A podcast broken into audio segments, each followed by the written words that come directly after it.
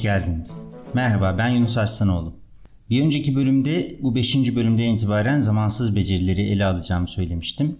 Dinlemeyenler varsa zamansız becerilerin ne olduğu ve hatta hangi kriterlere göre bu becerileri belirlediğimle ilgili olarak 4. bölümü dinleyebilirler.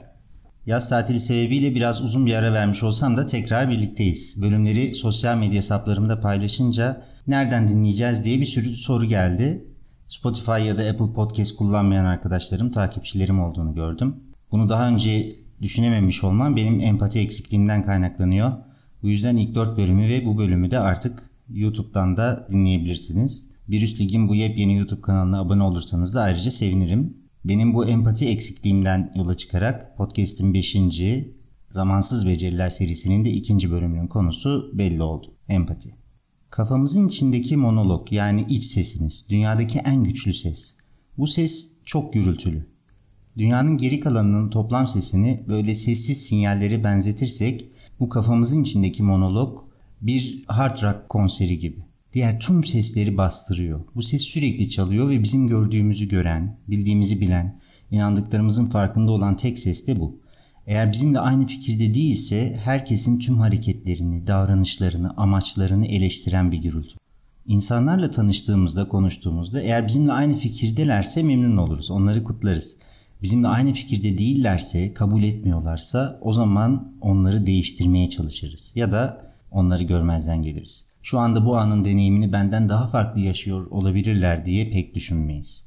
Kafamızdaki o gürültü bencil, korkmuş, öfkeli ve kendini beğenmiştir. Bu gürültü bizi gerçek samimiyetten uzak tutar ve bize meydan okuyabilecekleri, rakip olabilecekleri aşağılamak için elinden gelen her şeyi yapar. Herkes sadece kafasının içindeki o gürültüye kulak verseydi dünya yaşanmaz bir yere biz de bencilliğinin kontrolünde birer hayvana dönüşürdük. Ancak her şeye rağmen empati mümkündür. Başkalarının bize gönderdiği o çok sessiz sinyalleri yükseltmek ve bir an için bile olsa bizim gürültümüz yerine onların gürültüsüne sahip olmanın nasıl bir şey olduğunu hayal etme alıştırması yapmak mümkündür. Bir önceki bölümde bahsettiğim gibi beceriler edinilebilir ve pratik yaparak geliştirilebilir şeylerdir. Bu beceriyi uygulamak için çaba harcar ve zaman ayırırsak empati yapma konusunda daha iyi olabiliriz. Sadece başlamamız gerekiyor. Peki empatimizi nasıl geliştirebiliriz ve hatta empati nedir? Empatinin sözlükteki tanımı duygudaşlık. Başkasının aklından geçenleri anlamak, kendini başkalarının yerine koymak. Onların hissettiği gibi hissetmeye çalışmak. Perspektifini yani bakış açını değiştirebilme becerisi. Bunun için şunu anlamak lazım. Hayat sadece kazanmaktan, kaybetmekten ibaret değildir. Trafikte bir sıradasınız. Adam geldi aradan kaynamaya çalışıyor. Burada ona yol verip kazanabilirsiniz ya da empati yapabilirsiniz o kaynamaya çalışan adamın empati yapıp yapmamasından bağımsız olarak onun belki de çok önemli bir mülakata yetişmeye çalıştığını ya da bir yakının hasta olabileceğini düşünerek ona yol verebilirsiniz. Belki de aslında hiç acelesi falan olmayan bencil şerefsizin teki. Bunu da bilemezsiniz. Bu sizin işe bir arabalık bir süre geç kalmanıza sebep olsa da kendinizi iyi hissedebilirsiniz. Yol verdiğinizde trafikteki sıra verip vermeme olayını sonu olan bir oyun gibi düşünürseniz kaybetmiş oluyorsunuz. Ama hayat aslında sonsuz bir oyun. En azından uzun süreli bir oyun. Empati becerimizi geliştirmemiz için yapabileceğimiz şey bu. Yaşadığımız şeyler kısa bir oyun mu yoksa sonsuz bir oyunun parçası mı? Şu anda kazanıp kaybetmiyoruz. Bu sonsuz ya da uzun vadeli bir oyun diye düşünmeliyiz. Şu anki hareketim kaybetmeme ya da kazanmama sebep olmayacak.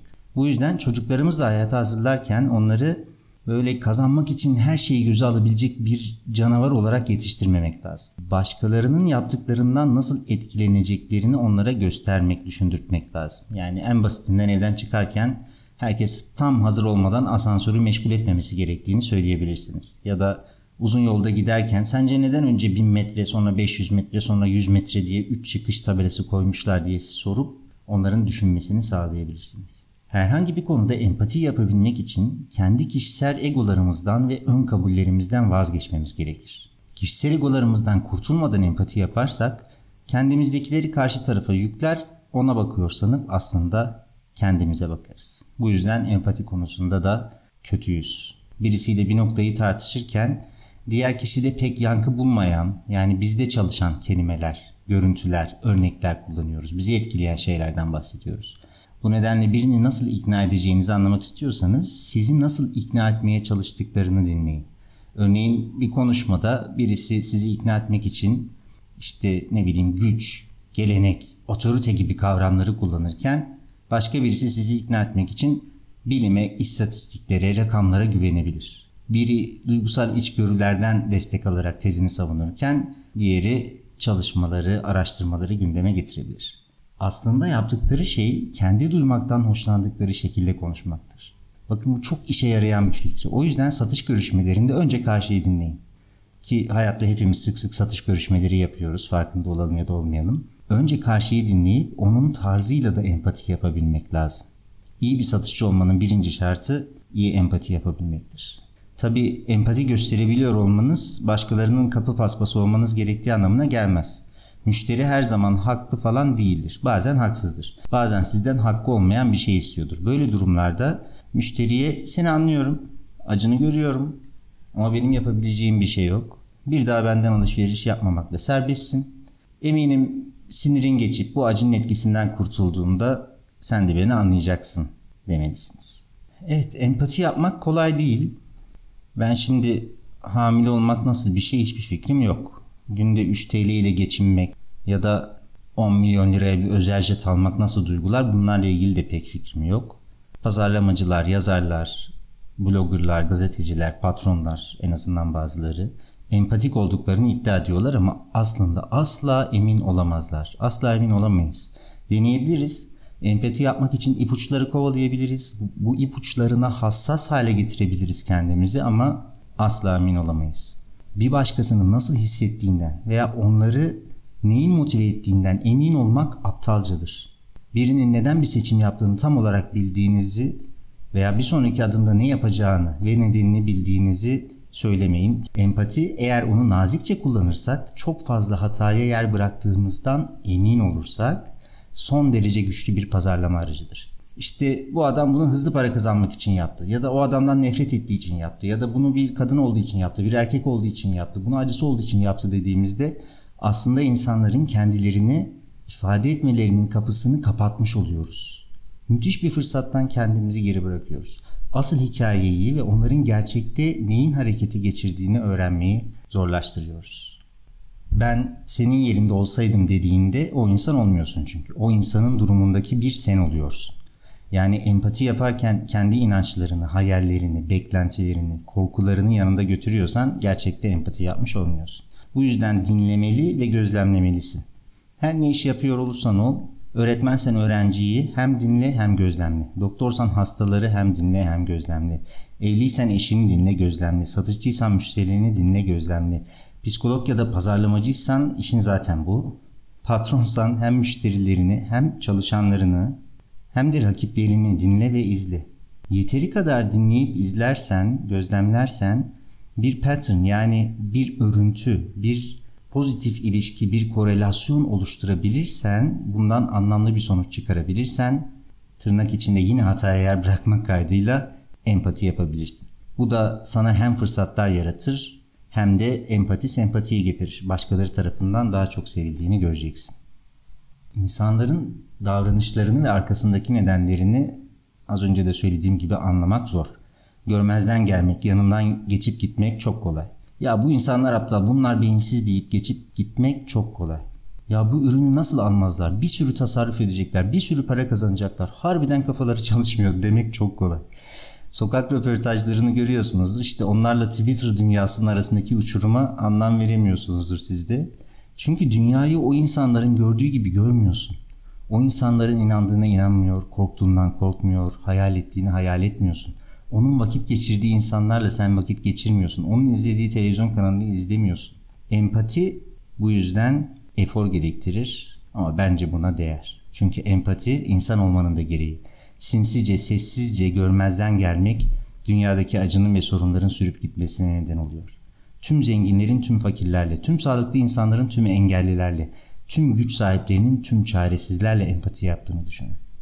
Çocuğunuz böyle bir dünyada yaşasın istemez miydiniz?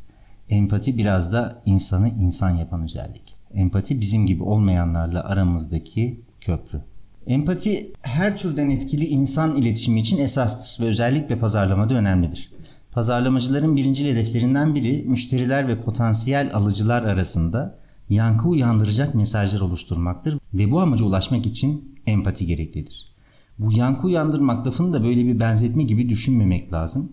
Yankı ne demek? Bir yere doğru bağırırsın, karşıdan ses gelir. Beklersin. Ses gelirse yankı var demektir. Bir marka olarak da insanlara bir şey söylüyorsun. O insanlar buna tepki veriyor mu? Veriyorsa işe yaramış demektir. Karşıdaki insanın senin bu mesajına tepki verip vermeyeceğini, nasıl tepki vereceğini anlamak için de empati yapman lazım. Peki gerçekten empatik diyelim mesajlar oluşturmak için pazarlamacılar ne yapmalıdır?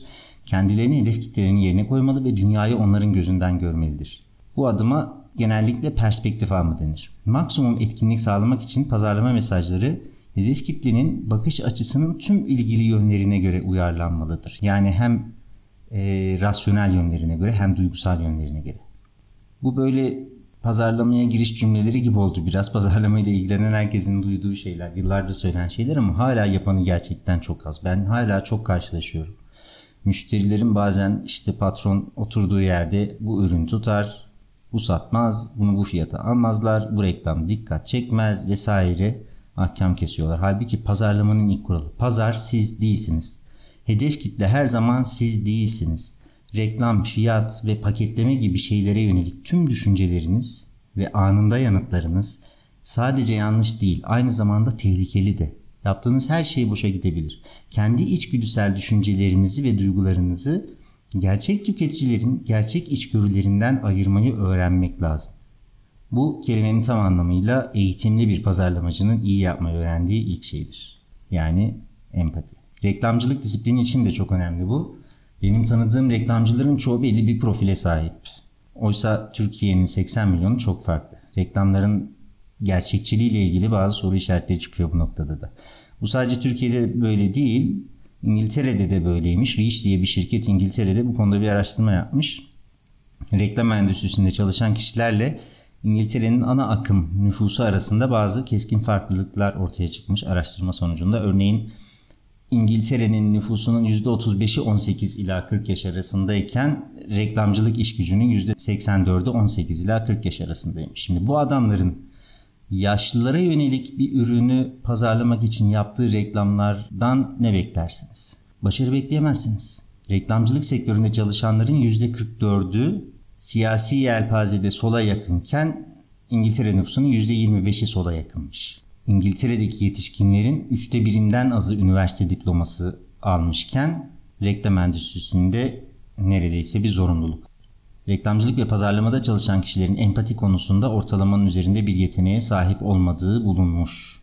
Oysa tıpkı satışların olduğu gibi reklamcıların da edinmesi gereken önemli beceri empati. Markalar da empatik bir yaklaşım sergilemeliler. Müşterilerini tanıyarak yapacaklar tabii ki bunu da. Peki markalar müşterilerini tanımak için ne yapabilirler? Araştırma şirketlerinden faydalanabilirler ama en basitinden kendilerine şu 5 soruyu sorabilirler. 1. Bu insanlar ne düşünüyorlar, ne hissediyorlar? Yani onlar için en önemli şeyler ne? En büyük kaygıları, en büyük amaçları, en büyük özlemleri neler? 2. Ne söylüyorlar ve ne yapıyorlar? Yani başkalarının yanında tutumları nasıl? Değişiyor mu?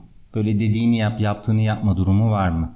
Çok lüks markalardan alışveriş yapıyorum deyip gizli gizli pazardan çakma ürünler alıyorlar mesela. 3. Kimi dinliyorlar, neye bakıyorlar?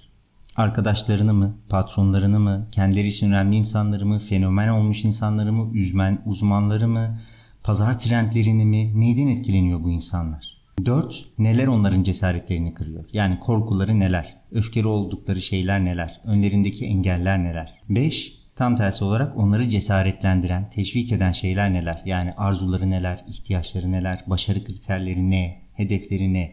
Bu 5 soruyu sorarak markanız ve girişiminiz için empati becerinizi geliştirebilirsiniz. Aynı soruları kendinize, eşiniz, çocuğunuz, sevgiliniz, çalışanınız, patronunuz için de sorarak empati becerinizi geliştirebilirsiniz.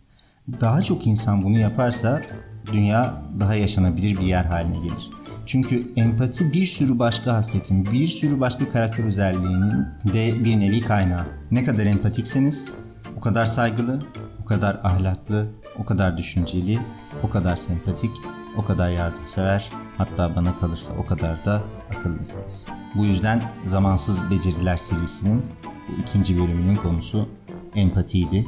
Bir dahaki bölüme kadar umarım dinleyen herkes daha çok empati gösterebilmenin yollarını arar, pratiğini yapar. Beni dinlediğiniz için minnettarım. Bir dahaki bölümde görüşmek üzere.